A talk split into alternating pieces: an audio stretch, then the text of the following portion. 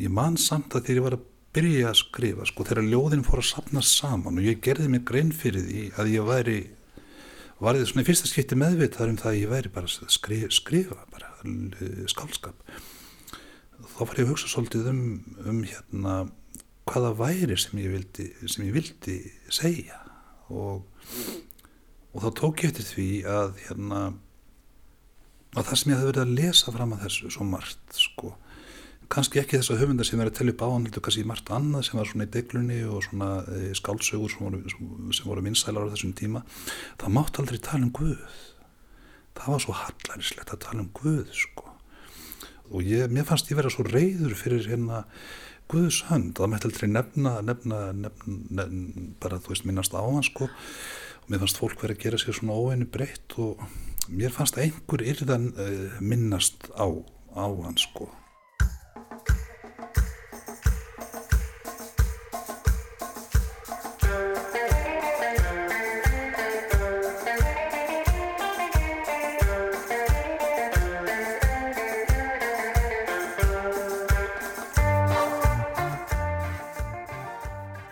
Komiði sæl, Guð er að finna víða í bókmyndunum og leitina að Guði. Einhverjir hafa fundið Guð og halda sér fast í faðminn, aðrir hafa glatað honum af ótal ólíkum ástæðum. Guð bókmyndana er markvíslegur og fer það alveg eftir því hvar maður dreipur niður fæti hvort að þykji almennt fínt að yrkja um Guð. Og þá hvaða Guð eða Guði. Guð í einhverju mynd verður einn af liklum okkar að efni þáttarins í dag. Við viljum að dýfa okkur í höfundaverk íslensks skálds sem við heyrðum í hér áðan, tala um hvernig það er að yrkja um Guð í viðtali árið 2011. Ísak Harðarsson komst í snertingu við Guð á sínum ferli og fann ljóðræna rótæka leið til þess að tjá sig um þetta tilvistarlega og trúarlega ferðalag á Guðs vegum.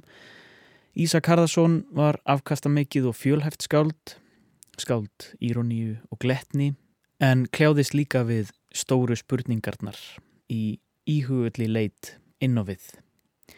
Nýtt ljóðasapn eftir Ísak leitt dagsins ljós nýlega og við ætlum að fletta í því hér á eftir.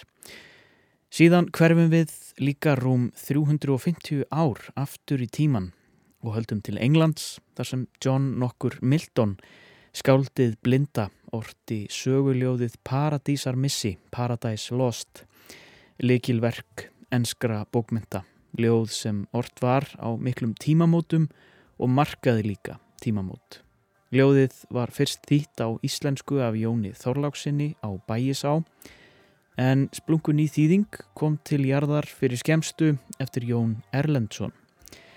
Paradísarmissir fjallar um stóru sögu kristninar, söguna sem enn er verið að segja af syndafallinu, freystingum og breyskleika, englum og djöblum, upphafinu og endinu.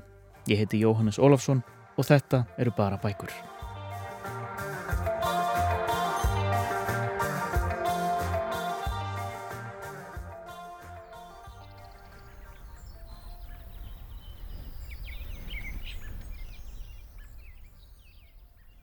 Ég get alveg sagt það strax, nei, langt best að segja ekki orð. Einhver geti verið í felum bak við norðurljósin. Einhver geti leið á hleri í glóandi kindiklefanum. Einhver geti hlustað, geti skrifað allt nýður. Til dæmis ég.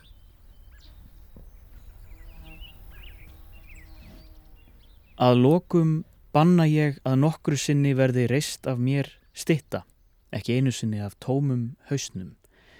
Skrifaði Ísak Harðarsson í útgangi ljóðasapsins Skí fyrir skí sem kom út árið 2000. En nú fyrir skemstu kom út annað ljóðasapn, ljóða þykni, Ró í beinum heitir það úrval ljóða Ísaks sem hann tók sjálfur saman og gekk frá til útgáfu skömmu áður hann lést í mæ árið 2023. á 67. aldurs ári. Ísak var afar fjölhæfur höfundur og þýðandi og sem ljóðskáld markaði hann sér mikla sérstuðu. Hann orti íhugul, trúarleg og tilvistaspekileg ljóð sem stundum lýsa örvendingu og einmannaleika en líka von og gleði. Í eftirmála ljóða úrvalsins skrifar Andri Snær Magnason sem lengi hefur haft dálæti af skáldskap Ísaks og átti líka ingang að sapnaritinu Skí fyrir skí að ljóðaheimur Ísaks sé ólíkindatól. Hámenning og lámenning blandist þar saman, alvara og leikur og Ísaki tekst yðurlega að koma lesendum sínum á óvart með óvæntum tengingum, orðarleikjum eða ljóðmyndum. Ísak Harðarsson kom skeiðandi inn á Ritvöllin með ljóðabókinni Þryggja orða nafn árið 1982. Hann fekk aukavelun í bókmentakeppni Almenna bókafélagsins en Einar Már Guðmundsson hrefti velunin það ár með sinni fyrstu skáldsögu Ritturum Ringstegans. Í teillinum Þryggja orða nafn mátti skinja hæðnist tón og tvíræðni en lengi héttur ljóðabækur einfallega ljóð eða ljóðmæli en þryggja orðanöfn á ljóðabókum þóttu þá óvennileg og jafnvel djörf. Girðir Eliasson og góðvinur Ísaks Harðarssonar til margar ára skrifaði í minningargreinum Ísak fljótlega eftir að hann lést. Tilvitnun því með sínum hætti var hann raunverulegt þjóðskáld. Eitt farra sem við höfum eignast á síðari tímum og standa undir því nafni án þess að kikna vitundar ögn. Fyrir mínaparta er hann einhvers konar hliðstæða við Mattías Jokkumsson eða Hallgrím Pétursson á okkar tíð. Menn geta verið sammála eða ósamála um þessa fulleringu eftir atvikum, svona blasir þetta við mér. Tilvitnun líkur. Þetta saði Girðir Eliasson. Hann kom fram á ljóðakvöldi sem haldið var til minningar um Ísak Harðarsson á Gauknum nú í vikunni þar sem bókinni Ró í beinum var fagnað og valin skáld sem báru ljóða taugar til Ísaks auk annara fluttu ljóð og minningar orð. Það var Ísaks vina félagið sem stóð að viðburðinum fremur óformlegt félagskipað tveimur skáldum, Kristínu Söfu Tómasdóttur og Þóruði Sævari Jónssoni. Þau komu til mín í heimsókn og við rætum um Ísak Harðarsson. Það fyrsta sem við gerðum var að rifja upp áhuga þeirra á ljóðagerð Ísaks.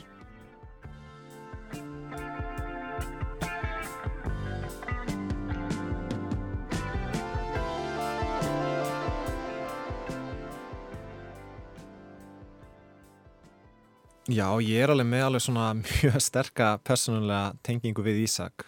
Það var þess að bara þegar ég var pjakkur þá var bara ágætis bókakostur hjá pappa mínum og mömmu og þetta var svona samtíningur hérna og þaðan, mikið til úr dánabúum og svona ægðu öllu saman.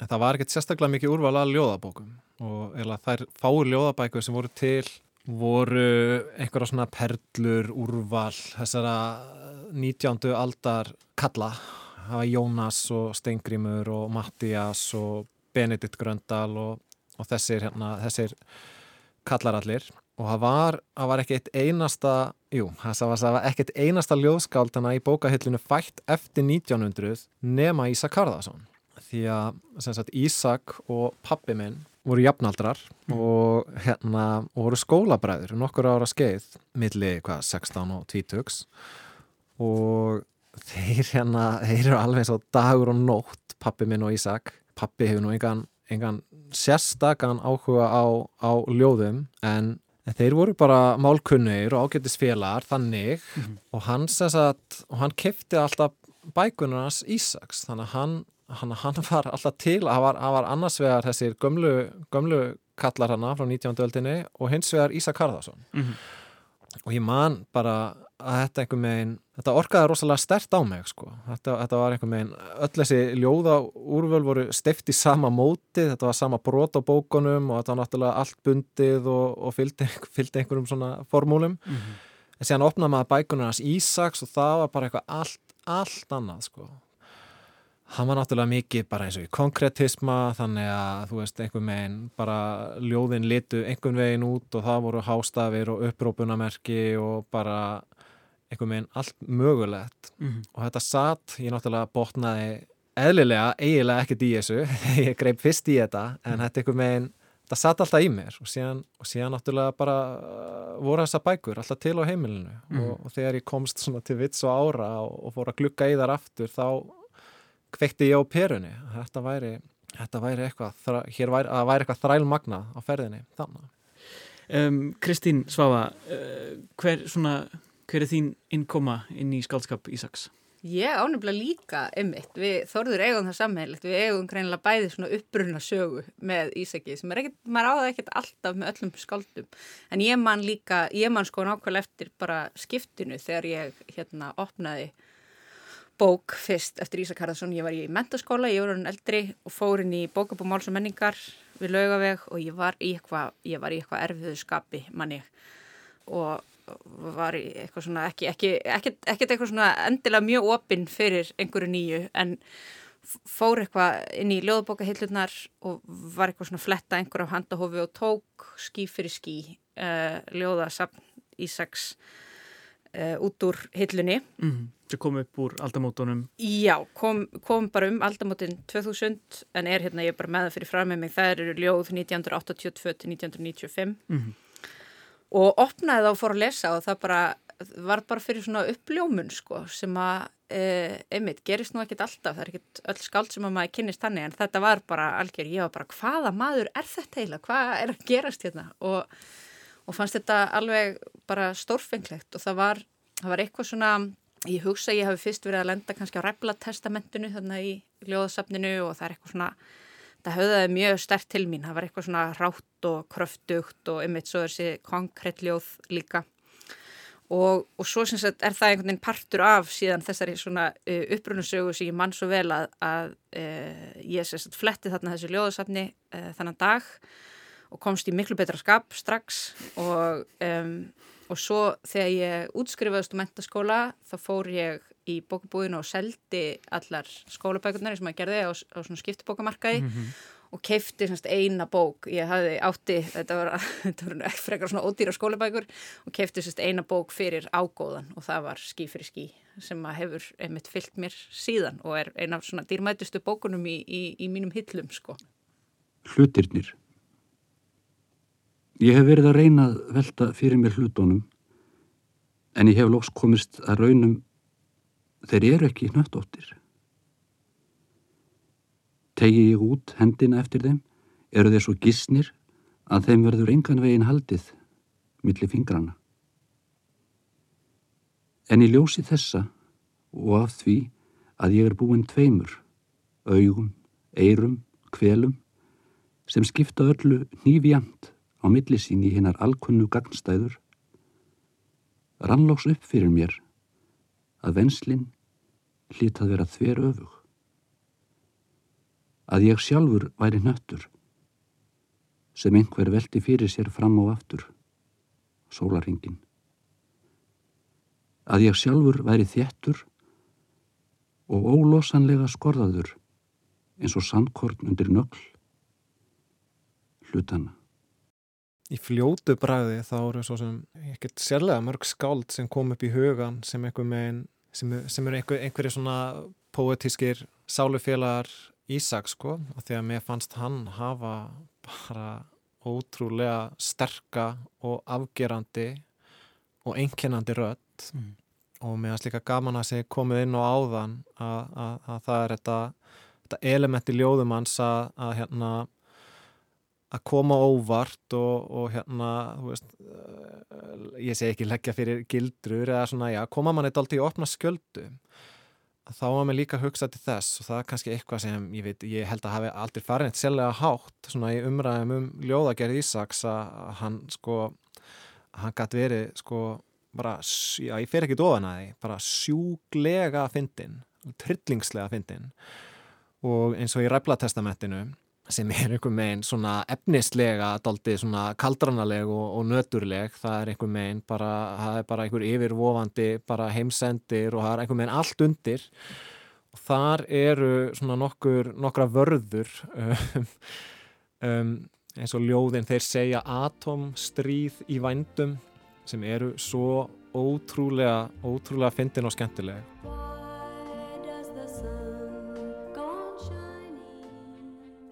Dómstagsviðbragð 1 Þeir segja atomstríð í vændum væri ekki ráð að selja hlutabrefin Dómstagsviðbrað 2 Þeir segja atomstríð í vændum væri ekki ráð að kaupa heyrnarlífar. Dómstagsviðbrað 3 Þeir segja atomstríð í vændum væri ekki ráð að fara í fríið. Don't they know it's the end of the world? It ended og eiginlega sömu sögum að segja um eins og ég rennur upp um nótt að að ef ég mann rétt þá er það þrískipt verk og miðhlutin eru dagbókarfæslur Mhm. og, og, og hann var náttúrulega eins og segi, var, við erum nú aðalega að tala um ljóðina sem hann var líka bara þrælumagnaði prósahöfundur og það er náttúrulega í rauninni það er náttúrulega bara hreinræktaður prósi og myndina sem hann dregur upp af þessum brjóstum kennalega skáldi veist, eru, eru hérna, þú veist, svona já, bara eins tragikomiskar og það er verða. Þannig að, þannig að ég, hana, ég þreytist ekki á að, að, að hampa að hampa og, og hampa þessu þessi þætti í ljóðagerða þannig að hann var Mm. bara, þegar sá gállin var á honum, þá gátt hann verið bara manna finnastur og skemmtilegastur og ekki sísta því að þá einmitt, að þetta er ofta á tíðum svona kaldranalegur húmor, hann slær mann dálítið utanundir hann, eh, já, Hann er alveg magnaður þessi millikabli í rennur upp um nótt sko. Hann er alveg svolítið einstakur. já, hann er bara meiri áttar Mhm. Og svo innan um þessi hérna þessi trúarlegu ljóð sem eru þarna líka og svona sko, þetta er aldrei magnum blanda. já, Og ég ætla að nefna líka eins og með sko, eins og Þorður var að segja að það eru auðvitað sterkur þáttur, þú veist, þessi trúarljóð.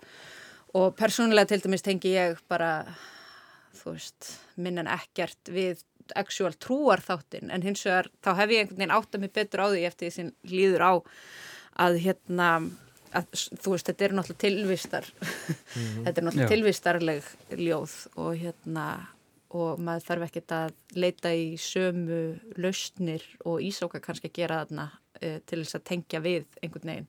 Þetta er svona tilvistar ángist og, og einmitt leita einhverju, einhverju fótfestu sko og mörg um, mjög falleg uh, og, og svona og svona sár ljóð í þeim flokki þar og meðal í rennur upp um nótt nokkur sem að mér finnst alveg, alveg rosaleg sko. Mm.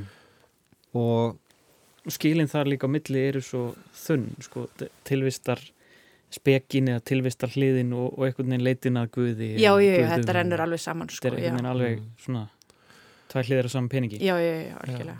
og, einmitt, og Andri Snær um, Bearitgerinn hans í, í íslensku á sínum tíma fjallaði einmitt um trú í ljóðum Ísak Sarðarssonar og meðast hann einmitt uh, bara fanga, fanga dansi vel í eftirmálanum. Og þá kemur hann einmitt inn á það að þetta er náttúrulega bara í rauninni bara rótækt hjá Ísaki að, að, hérna, að feta þessa braut, að yrkja inn í þessa trúar hefð Já, bara í rauninni, að telja þau skáld á fingrum annara handa sem voru að því.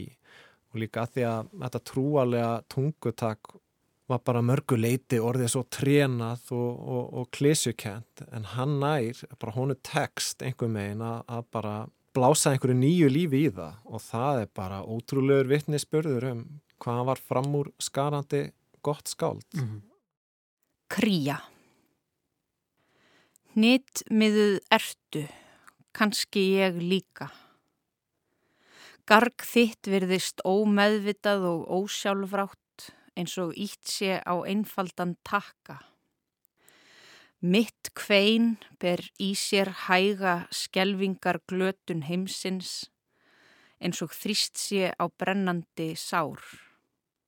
En samt er þetta bara eitt og hið sama, innbyggt kall og básúna lífsins um undrið sem býður, um undrið sem ljómar þegar skurnin brestur.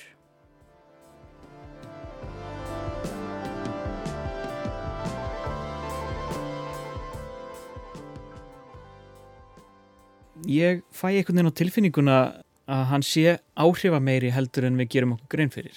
Ég man þegar við Kristín vorum að skipulegja fyrri upplæsturinn þegar í tilefni að 60 hálsa sammæluna hans að við, við, við settum saman einhvern lista af svona einhverjum kandidötum, einhverjum mögulegum upplæsurum og jú, jú, við kunn, ég man allavega að þú veist, við vissum alveg af yfirlýstum Ísaks aðdándum hér og þar en síðan vorum við líka svona pínu að renna blind í sjóin en ég man að einhver meginn, mér hlýnaði pínu um hjartarætunar að bara allir sem við höfum samband við hver, þetta voru Eiríkur Nordal Þórdís Gísladóttir, Gerður Kristni Andri Snær Andri Snær einmitt. bara allir sem við höfðum samband við bara höfðu orð á því að bara, að, að bara Ísak væri bara í miklu dálæti, heldur mikið upp á hann og bara og vildu bara endilega koma að lesa upp. Þannig að þegar ég einhver megin þegar ég, svo sem hann var náttúrulega aldrei einhver svona, einhver svona mainstream mainstream ljóskáld, hann var alltaf svona pínu, pínu á jæðrinum en mér þótti þetta, mér þótti ótrúlega skemmtilegt þegar við einmitt fórum á stúfana hvað bara allir voru bara fyrir það fyrsta til í að koma og bara hvað er tölu fallega um Ísak og hvað hann hafði haft mikil áhrif á þau. Mm. Mhm, Já, algjörlega og ég held hann hafi líka bara alveg, jú, ég, einmitt, ég held að hann eigi sér aðdöndur virkilega víða og að hann hafi bara fullt potensial í að, í að þeir aðdöndur munir svo endur nýjast líka og verða til nýjir og svona því að, að því þetta er bara, já, ég held að þetta sé þannig stöf mikið til sko að mér finnst, mér finnst þetta að stórum hluta eldast býstna vel sko. Já, bara eins og mér finnst bara eins og eins og ræfla testamentið og, og hérna vekkfóðrar og andaleiki og, og útgangum augalæst og svona, einmitt, þessar allra tilraunakentustu bækur hans sem voru bara á sínu tíma þegar komu út eitthvað eitthva, eitthva, eitthva á skjön, eitthvað öðruvísi að þetta var eitthvað skemmtilegt á ferðinu að minnst þær alveg ja, ferskar og relevant núna og þær voru fyrir svo fljótt að líða 30-40 ári þegar einmitt. komu út Já, Mhm.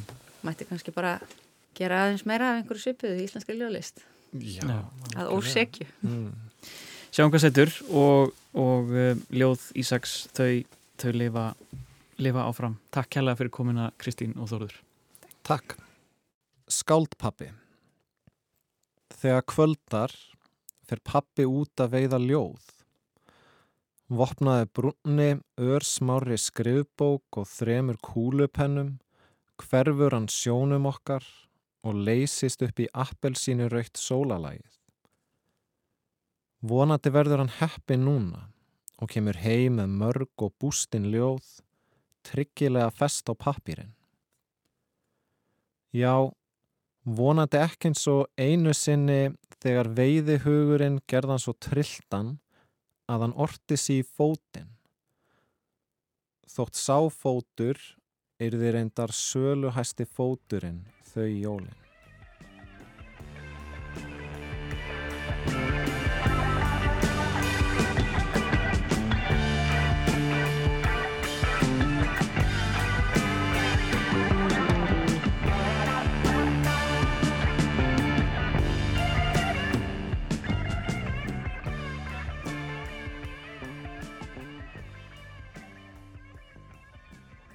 En þá ætlum við að halda rúm 350 ár aftur í tíman og efnislega enn lengra aftur í tíman til upphafs veraldar.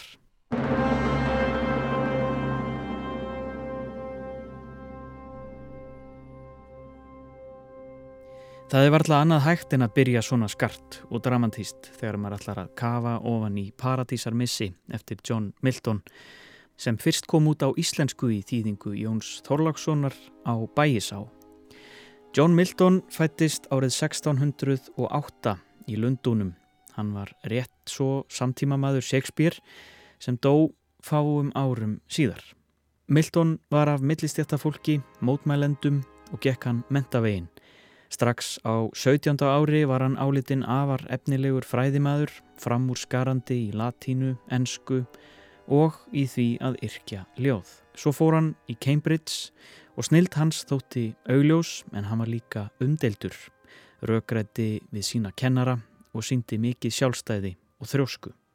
Setna fór hann að ferðast um meginland Evrópu, metta sig í meginlands klassíkinni á Ítalíu og gömlu grísku og rómersku klassíkinni, söguljóðum Hómers og Virkils.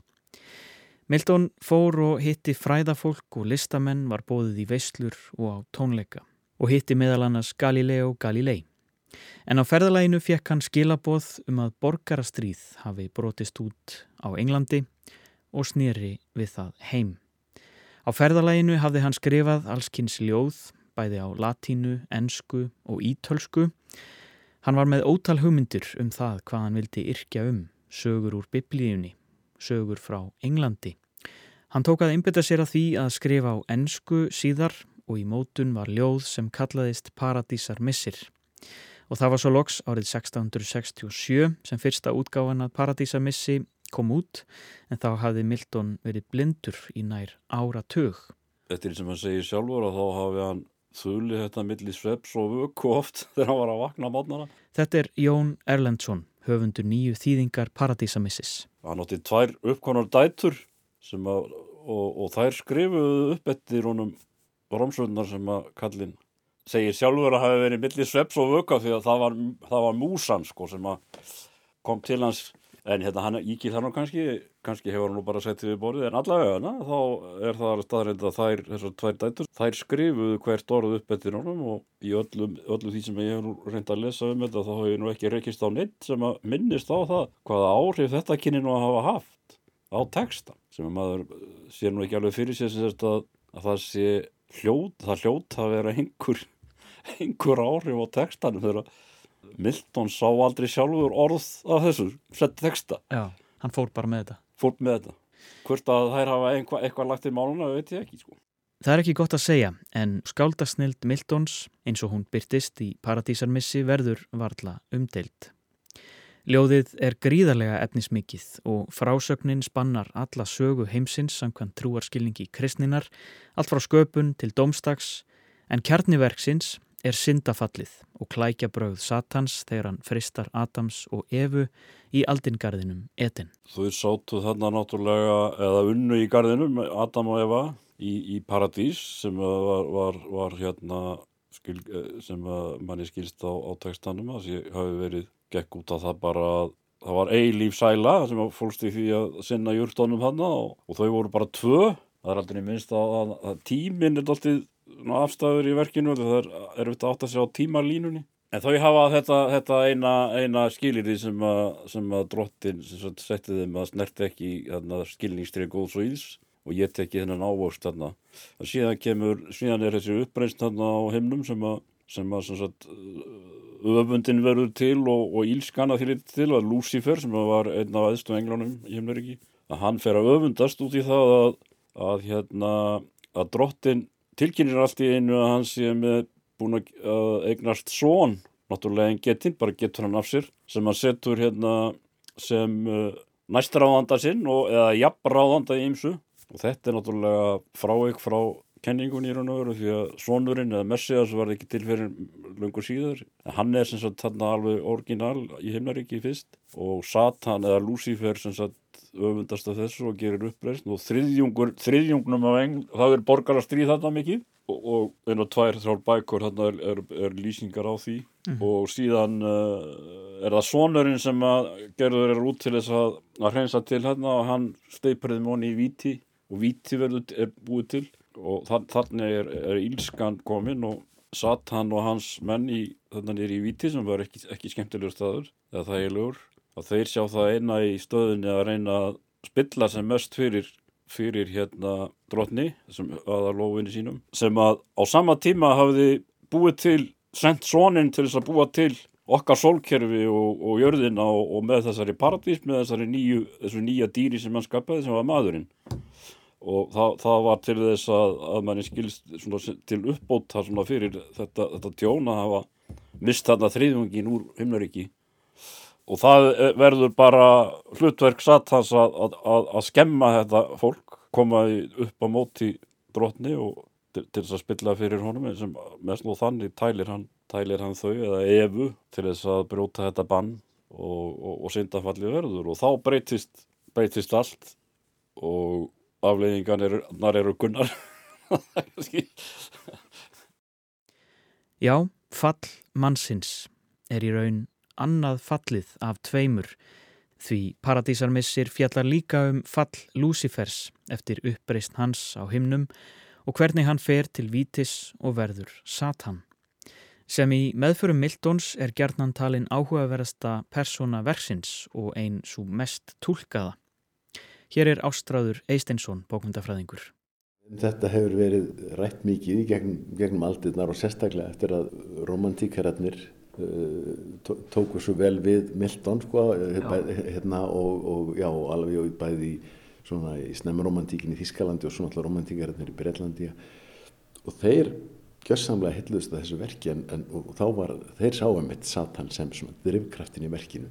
En það er þetta sko á, einu plani er þetta verk um innræðisherran og er til fleiri slík verk en, en, en valla nokkurt í þessari miklu, þessari miklu vittir og uppreisnarsekkurinn er áhugaverðari.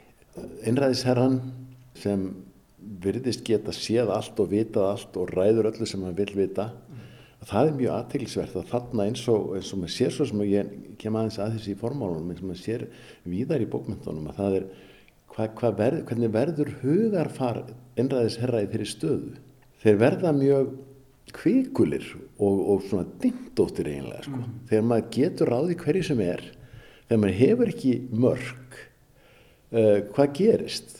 Og þá sjáum við að Guð almáttum hann, hann, hann bregður þetta ráð það það settur mjög stífa reglur og þá fylgir refsing ef að, ef að þeim er ekki fyllt og, og að, að þessu leiti er, er verkið mjög mannlegt að hérna vegna þess að, að þessir ýmsir veikleikar sem við þekkjum í sögu mannverunar koma þarna fram hjá Guði almáttu Og þetta eru kannski áhrif frá svona þeim, þeim textum sem hann þekkti. Ég meina, John Milton var hámentaður maður og, og þekkti alla þessa grísku og rómersku texta og Dante og þekkti hann, hann, þetta er svona þessir ægir öllu saman. Já, já og, ég, og ég held að það, það er alveg hár rétt og það er, sko, hann, hann ákvað, ákveða lungaðan að skrifa þetta að, eh, að hann ætlaði sér að skrifa söguljóð.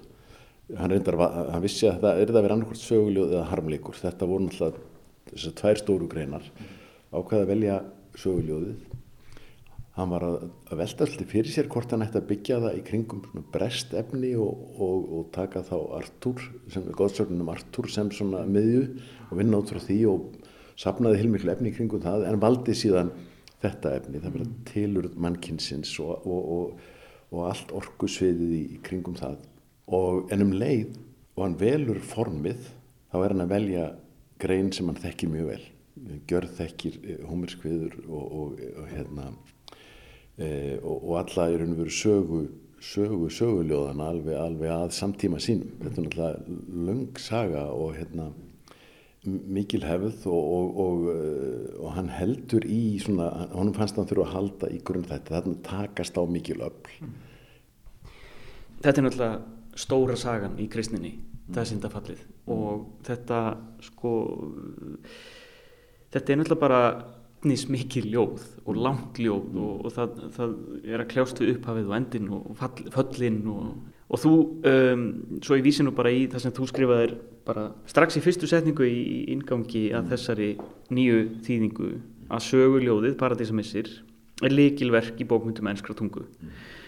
Og mér finnst mjög freistandi og, og hérna, ég veit ekki hvort það sé sangjant að spyrja hreinlega sko hver er líkil ástæðan fyrir því að þetta verk varð svona stórt sko ef maður eh, sér út svona aðeins í bókmyndasögunni hvað væri hægt að, segja væri svona kannski helsta ástæðan fyrir því að þetta er svona veigamikið og þetta hafi komið af svona miklum þunga inn í bókmyndasöguna aðna á, á 17. öld og, og við erum enn að velta þessu fyrir okkur Já, það er alveg rétt. Þetta er, í fyrsta lagi er, er, er sko, stundum sagt að þetta sé, þetta sé síðasta stóra söguljóðið. E, þó að það hefur svo sem þau fleiri verið skrifuð síðan að þetta sé í raun og veru glæsilegur endir á þessu langa tímabili þessum söguljóðin er eiginlega e, leiðandi bókmentaform mm. á, á Vesturlöndum. En ég held að, að e, ástæðan fyrir vægi þessa verks tengist ymitt staðnum þar sem það er skrifað og, og, og þeirri miklu ólgur sem átti sér stað á Englandi og, og síðan vikar það sjónarhátt stöðust út. Milton gerir sig grein fyrir því að og heimurinn hefur náttúrulega verið að heimsmyndin hefur verið að breytast til mikið alveg frá 1522 þegar að floti Magellans kemur, kem, kemur hérna úr ringferðinni og það er staðfest að, þetta, að jörðin sé nöttur uh, eftir það hérna, ver, er, verða siglingar að algengari og eblast og heimsvalda stefna Evrópu fyrir gang og England eða Breitland tekur náttúrulega þátt í því mikla kaflibi eins og við vitum og þarna eru í raun og veru á þessum tíma, hann er beinlínis Milton vittni að því að Cromwell sem að, eitna, styrði Breitlandi og, og, og er náttúrulega líkilmaður í að búa til þetta líðvildi sem endist nú ekki nema í 11 ár mm -hmm. og varð sjálfur náttúrulega hálgerður einræðisherra það með tilturlega nefna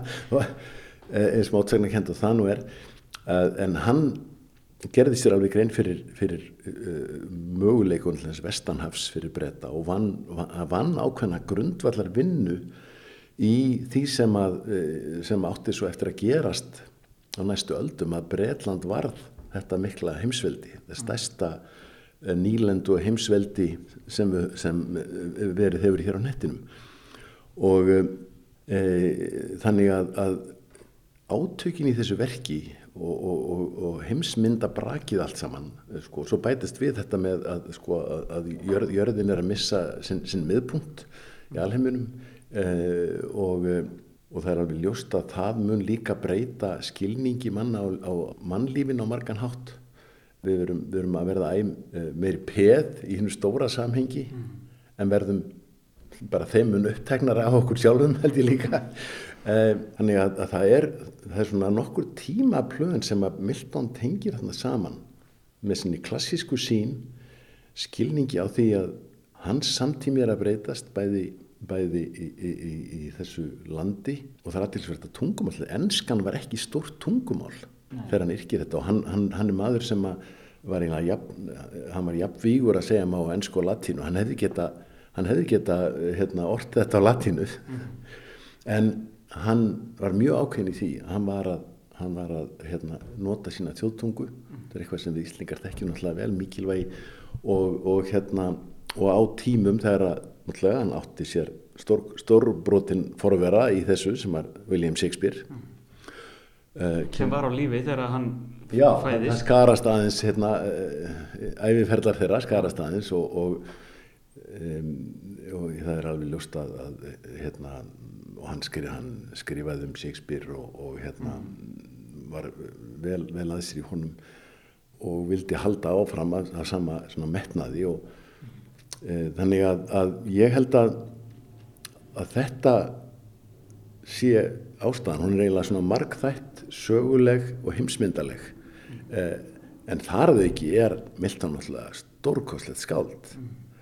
og það að, að mena, þessi maður sem hafi verið blindur í, í um áratög þegar hann yrkir þetta ljóð, megnið að því, eh, það er náttúrulega með hreinum ólíkindum. Allir sem að held ég fletta þessari bók og bara prófa að lesa nokkra línur uh, getur ekki hann að yfir því hvernig, hvernig getur blindu maður haft minni til að, til að yrkja svona mikinn texta sem er samfeldur og, er að, og það sem er verið að uh, spinna upp heilu heimana.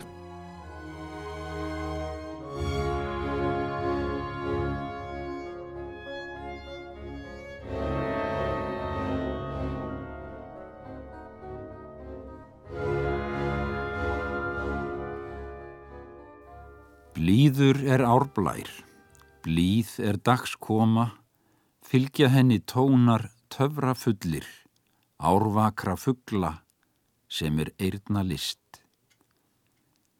Blíður er röðull, þá er breyðir hann, austan árgeisla á unaðsfoldir, yfir grös, eikur og aldinni, sem þá deig glansa fyrir dögfalli.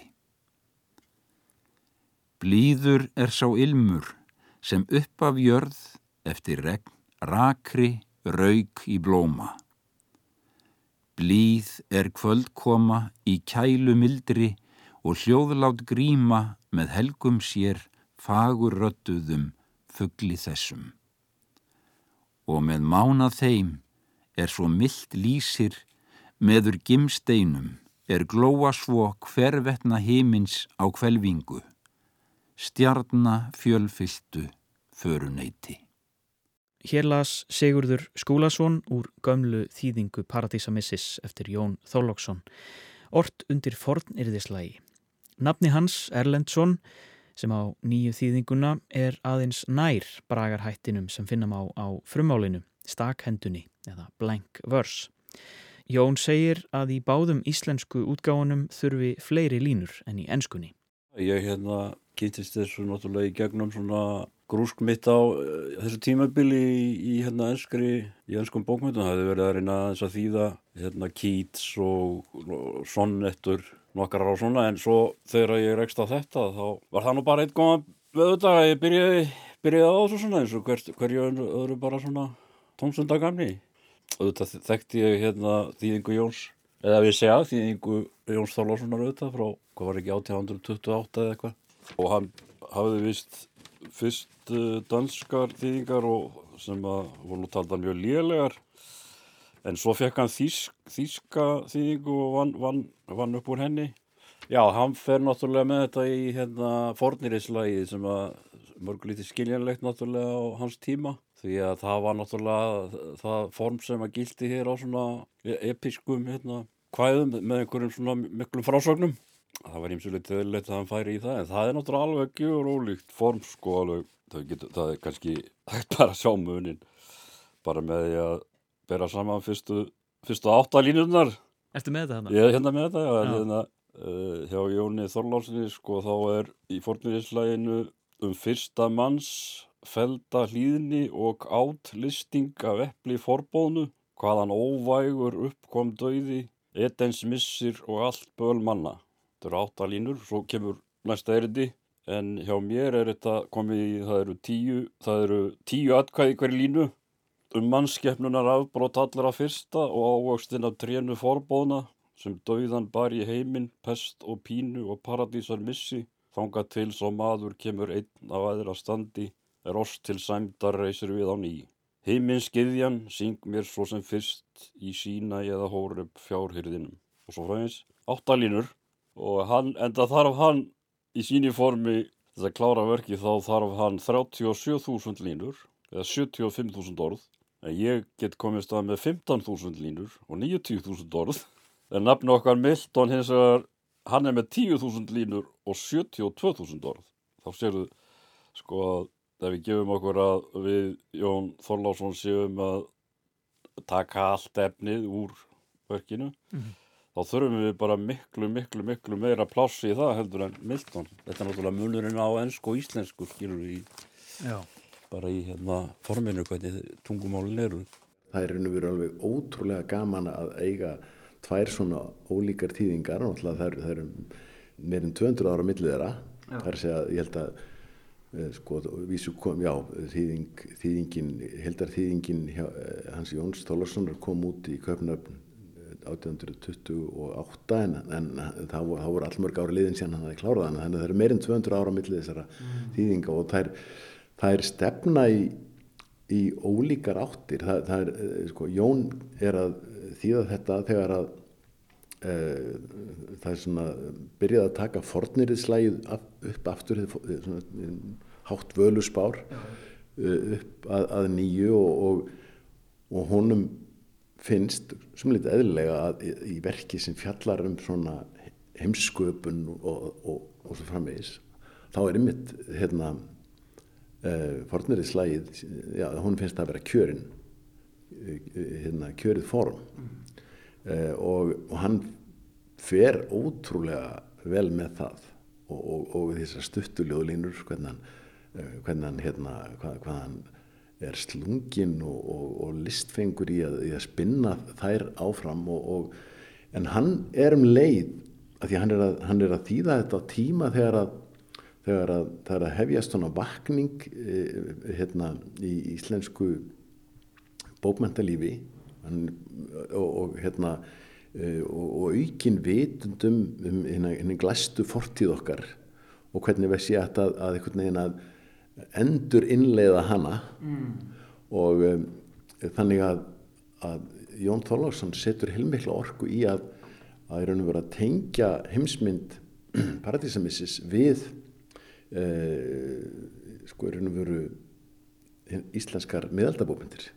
Ég átti nú reyndar bókina þessa frá 1828 sem er nú mjög, sem er nú raritet og hæg heimatökin að fara í það en ég gerði það aldrei, ég hérna fletti kannski einstakar sinnum upp í svona ég var alveg, mér fannst það ekki hérna, þetta var, ég var ekkert að, að pæli í þessari þýðingu sko því að láta hann að tröfla mig ég held að ég hafi ekki stólið neinu úr henni nema hugsanlega hérna Pandemonium sem er hérna var höll Satans og þeirra í víti sem að hann kallar snildarlega aldjafli ég, ég var allavega hann fyrst starf því ég, ég gæti ekki séð hann en ég ætti að nota það, það var, svo, nei já, svo var það nú ekki reyndar úr. Ég fyndi mig til að nota hann til þess að vera ekki að stælan og sagði albölvangur.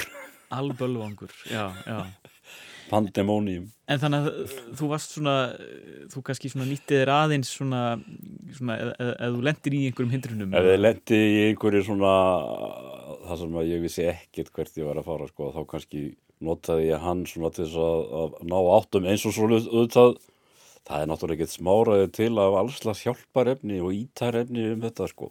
Það er ekki vandamáli sko og það náttúrulega sko aðstæða manna til þess að fást við svona verk í dag er náttúrulega svo gjur ólík þess hefur verið hefur á áður sko þegar maður getur farið bara á netið og, og lesið sér á, til hann, en hann er að þýða verkið á, á, að nýju og nýjum forsendum og það held ég að sé uh, sannlega nöðsynlegt að gera með, með, með svona mikilvæg verk, stórvirki að þau komi, komi aftur inn í inn í bókmyndasögu uh, annara tungumála og þjóða og, og það er náttúrulega ég hef uh, rannsakað klassíska þýðingar á ensku og það er búið, það er búið að þýða Dante til dæmis sem er mikil eftirleitis höfundur Miltons það, það er, það er, það er alltaf vart að telja en, en það er ensku þýðingar sem eru, eru til á henn guðdómlega gleðileika á ensku. Og, og þannig að það, það er greinilegt að það, þörfin er að einhver leiti í, í bókmyndalífunu en hún líka hjá þeim sem er að vegna þess að þeir, þetta er ákveðin sköpunargleði.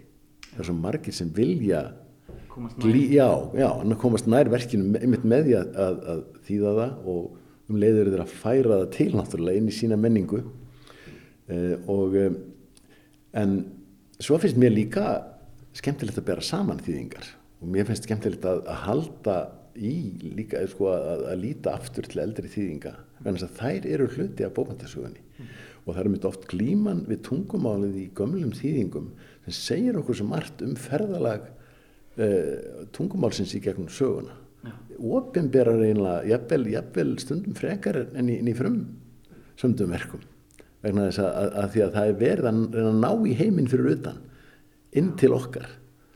Og það er, er, er svo áhugavert að kanna það. Þetta er verk sem er það er klassíst og, og það er, það er þetta skilja það, það er auðvitað bundið sínu tíma, það er bundið átökunum þessum miklu umbrótum sem voru á Englandi. En það er svo auðvelt að, að, að sjá hvernig það tengist svona eðli slíkra átaka líka sem, sem við erum að verða vitnað í samtímanum núna eh, og, og bara í sögunni almennt. Og, og þetta verður svo þetta verður manni svolítið náið þegar að sko, Adam og Eva leiðast tvö út úr etensgarðinum inn í, í veröldajörðinni sem þau í raun og veru þekki ekki. Mm. nema hvað mikill erkiengil er búin að segja Adam uh, hví lík ósköp býði mannkynsins. Uh, í raun og veru fallið heldur stöðugt áfram. Við erum enn að falla. Við erum enn að falla